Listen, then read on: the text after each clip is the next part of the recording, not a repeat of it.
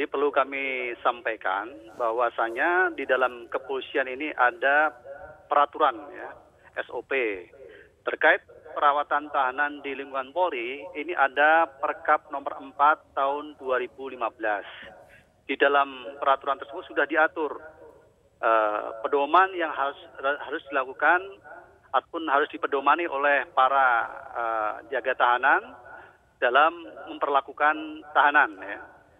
Di dalam pasal 22 itu disebutkan tahanan dapat dikeluarkan sementara ini atas uh, ada tiga hal yaitu kepentingan penyidikan, kemudian terkait kepentingan pribadi tahanan dan juga terkait masalah keadaan yang perlu dan mendesak. Nah, hmm. yang yang terjadi uh, pada saat kejadian korban ditembak oleh pelaku ini yaitu korban berupaya untuk memenuhi daripada keinginan pelaku di mana pelaku ini punya masalah keluarga. Sehingga pada saat pagi hari 03.00 Wita ini korban pada saat itu kan uh, biasa sebagai pengurus masjid. Hmm. Kemudian juga rutin melaksanakan puasa Senin Kamis sehingga momen setelah sahur dan mau mempersiapkan uh, sholat subuh ini korban uh, mendatangi pelaku di rumah tahanan untuk diantar ataupun uh, apa yang menjadi keinginan daripada pelaku ini di, dipenuhi. Mm -hmm. Namun dengan syarat adalah cukup 15 menit saja. Baik, Tetapi, tapi tidak ada pengawalan dari uh, pihak yang lain atau anggota yang lain. Apakah hanya berdua saja antara uh, AKBP Beni dengan pelaku begitu Pak? Dan apakah normal pelaku uh, AKBP Beni hanya menemani seorang diri Pak? Nah, di situlah tadi saya sampaikan pada saat konferensi pers. Di situ ada penyalahgunaan kewenangan dan uh, penyalahgunaan prosedur, salah prosedur terkait uh, pelayanan terhadap warga binaan di Rutan Kuda Gorontalo. Sehingga terhadap uh, eh, AKBP Beni, korban ini, berdasarkan dari hasil pemeriksaan BIT Propam, dari keterangan saksi termasuk para anggota jaga, ini terjadi pelanggaran pasal 13 ayat 1 huruf E dan huruf F di mana setiap anggota Polri dilarang menyalahgunakan kewenangan dalam melaksanakan tugas. Dalam hal ini Tirtahti telah memerintahkan anggota jaga tahanan mengeluarkan tahanan dan mengantar tahanan sampai ke rumahnya. Oke, Pak Wahyu, jadi Setiap, pelanggaran ya. pelanggarannya tuh yang yang mana ini per, sendiri dini harinya tidak ada pengawalan lain atau yang mana, Pak? Pada saat mengeluarkan uh, tahanan, ini kan ada syarat tadi saya sampaikan dalam Perkap 4 tahun 2015 itu kan ada syarat-syarat harus dipenuhi. Salah satunya harus seizin penyidik atas penilaian penyidik. Oke, dan ini tidak seizin penyidik ya? Oke, ya, baik. Dan harus uh, dikawal. Uh, Pak Wahyu, ya. Pak Wahyu, um, bagaimana ya. dengan ini kan RIY uh, sebagai pelaku penembakan. Nah, kalau ya. adiknya ya. RIY ini perannya apa Pak dalam uh, pembunuhan ini? Jadi perlu di perlu diketahui pada saat pelaksanaan uh, pelaku menembak korban, usai melakukan penembakan itu diket, uh, senjata dititip sama RIY. Hmm. Ya, okay. kemudian hal-hal yang lain masih kita dalami.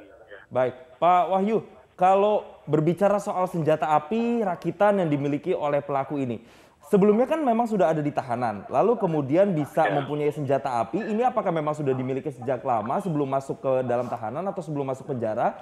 atau seperti apa Pak Wahyu dari hasil pendalaman? Jadi itu yang masih kita dalami terkait kepemilikan senjata api yang disimpan secara ilegal oleh uh, yang bersangkutan si pelaku. Mm -hmm. ya. Hmm. Ada istrinya juga di situ Pak karena alasannya uh, pelaku ingin bertemu dengan istrinya. Apakah ada kemungkinan keterlibatan istri pelaku dalam kasus penembakan kemarin Pak?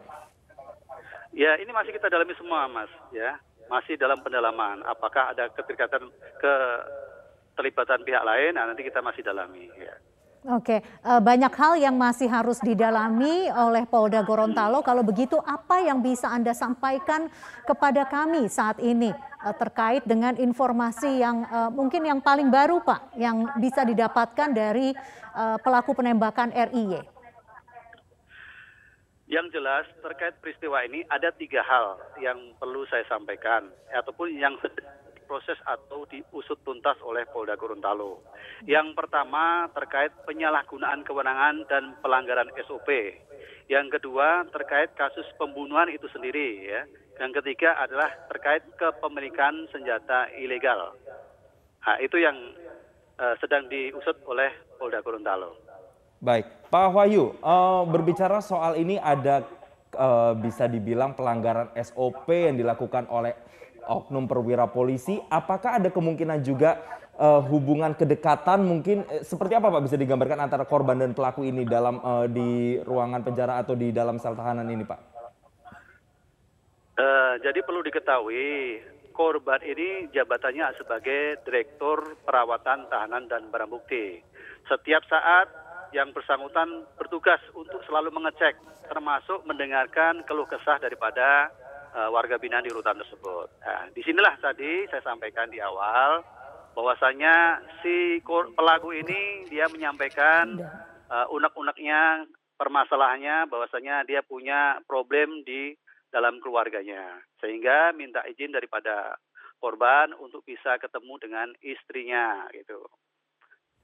Dan Baik. di situlah muncul inisiatif daripada si korban mm -hmm. sehingga tadi terjadi penyalahgunaan kewenangan, kemudian uh, salah prosedur, uh, yang bersangkutan korban men, uh, menjemput daripada pelaku, kemudian dibawa ke rumah kediaman pelaku tanpa Baik. dikawal. Baik, artinya masih ada beberapa hal yang, yang masih salah. harus didalami oleh pihak kepolisian. Nah, Salah satunya adalah terkait dengan kepemilikan senjata tajam yang dimiliki oleh pelaku ini masih harus didalami. Terima kasih Kabit Humas Polda Gorontalo, ya. Kombes Pol Wahyu Tri Cahyono telah bergabung dan berbagi bersama kami di Newsline.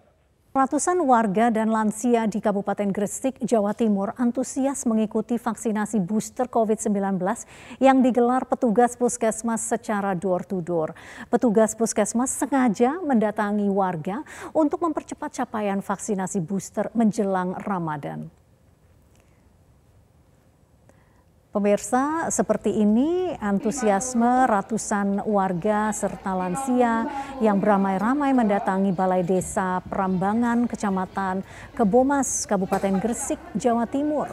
Petugas Puskesmas Gending sengaja menggelar vaksinasi door-to-door dengan mendatangi setiap desa untuk memberikan vaksinasi booster COVID-19. Satu persatu warga termasuk lansia dilakukan screening sebelum disuntik vaksin uh, dosis ketiga atau booster jenis AstraZeneca. Pihak Puskesmas Gending berkeliling dari desa ke desa untuk mempercepat pemberian vaksin booster termasuk bagi lansia menjelang datangnya bulan Ramadan. Puskesmas Gending menargetkan sebanyak 300 warga serta lansia di masing-masing desa bisa tercapai. Diharapkan melalui vaksin door-to-door ini target vaksinasi di Gresik bisa segera terpenuhi. Pengamanan ketat diberlakukan petugas saat tim SAR gabungan menyisir sebuah lokasi di barat daya China untuk mencari lokasi jatuhnya pesawat China Eastern Airlines. Sejumlah orang yang diyakini sebagai keluarga korban jatuhnya pesawat China Eastern terlihat berkumpul di tenda darurat yang berlokasi di Desa Lu. Beberapa dari mereka terlihat meminta akses untuk masuk ke area tenda untuk melihat puing-puing pesawat yang ditemukan. Hingga saat ini, proses pencarian dan penyelamatan korban pesawat China Eastern masih terus dilakukan. Namun tim SAR gabungan mengalami sejumlah kendala dalam melakukan misi mereka akibat medan yang sulit dan curah hujan besar yang menghambat proses pencarian. Sementara itu otoritas terkait hingga saat ini masih mengumpulkan data-data terkait penyebab pasti kecelakaan pesawat China Eastern yang mengangkut 132 penumpang beserta awak. Belum diketahui secara pasti berapa jumlah korban akibat insiden ini. Tornado melanda sebagian wilayah New Orleans dan sekitarnya selasa malam waktu setempat. Satu orang dikabarkan tewas akibat insiden ini. Sejumlah fasilitas publik dikabarkan rusak akibat terjangan tornado yang melanda wilayah New Orleans, Amerika Serikat.